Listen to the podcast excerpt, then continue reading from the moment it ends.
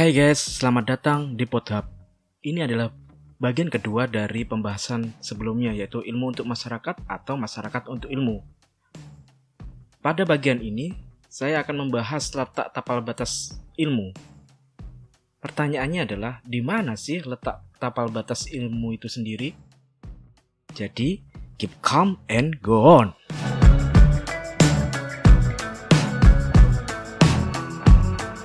Ada suatu anggapan bahwa manusia adalah pencipta. Anggapan ini terasa begitu congkak.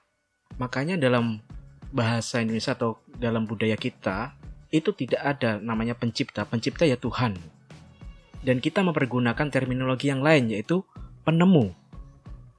Secara tegas, teknologi bukan diciptakan melainkan ditemukan. Proses penciptaan ialah proses dari tiada menjadi ada dan dalam filsafat, sesuatu yang tiada berarti nol, nihil. Oleh karena itulah dipergunakan istilah penemu dibandingkan pencipta. Karena pada dasarnya manusia hanyalah menemukan, hanya mengubah nilai-nilai dari apa yang sudah ada di alam, apa yang sudah diciptakan Tuhan. Kebenaran ilmu dianggap terletak pada ilmu itu sendiri, maka terjadilah yang dinamakan ilmu sekuler, ilmu yang diklaim objektif, bebas nilai, dan bebas kepentingan. Ternyata, ilmu telah melampaui dirinya sendiri.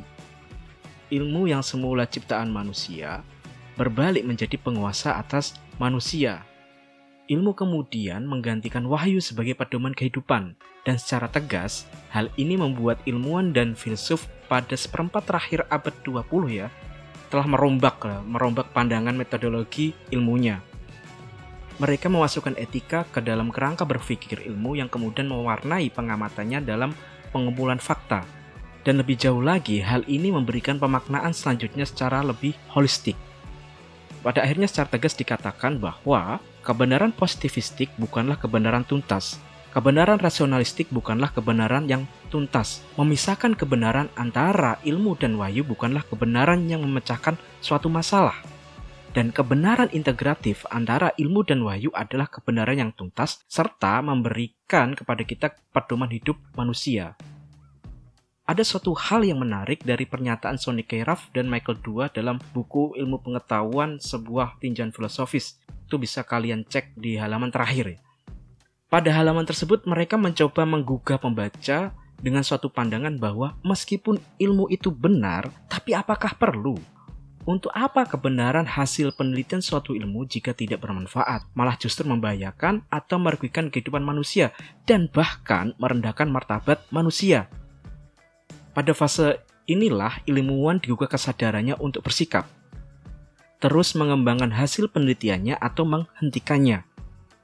Di sinilah otonomi ilmiah tidak dilanggar.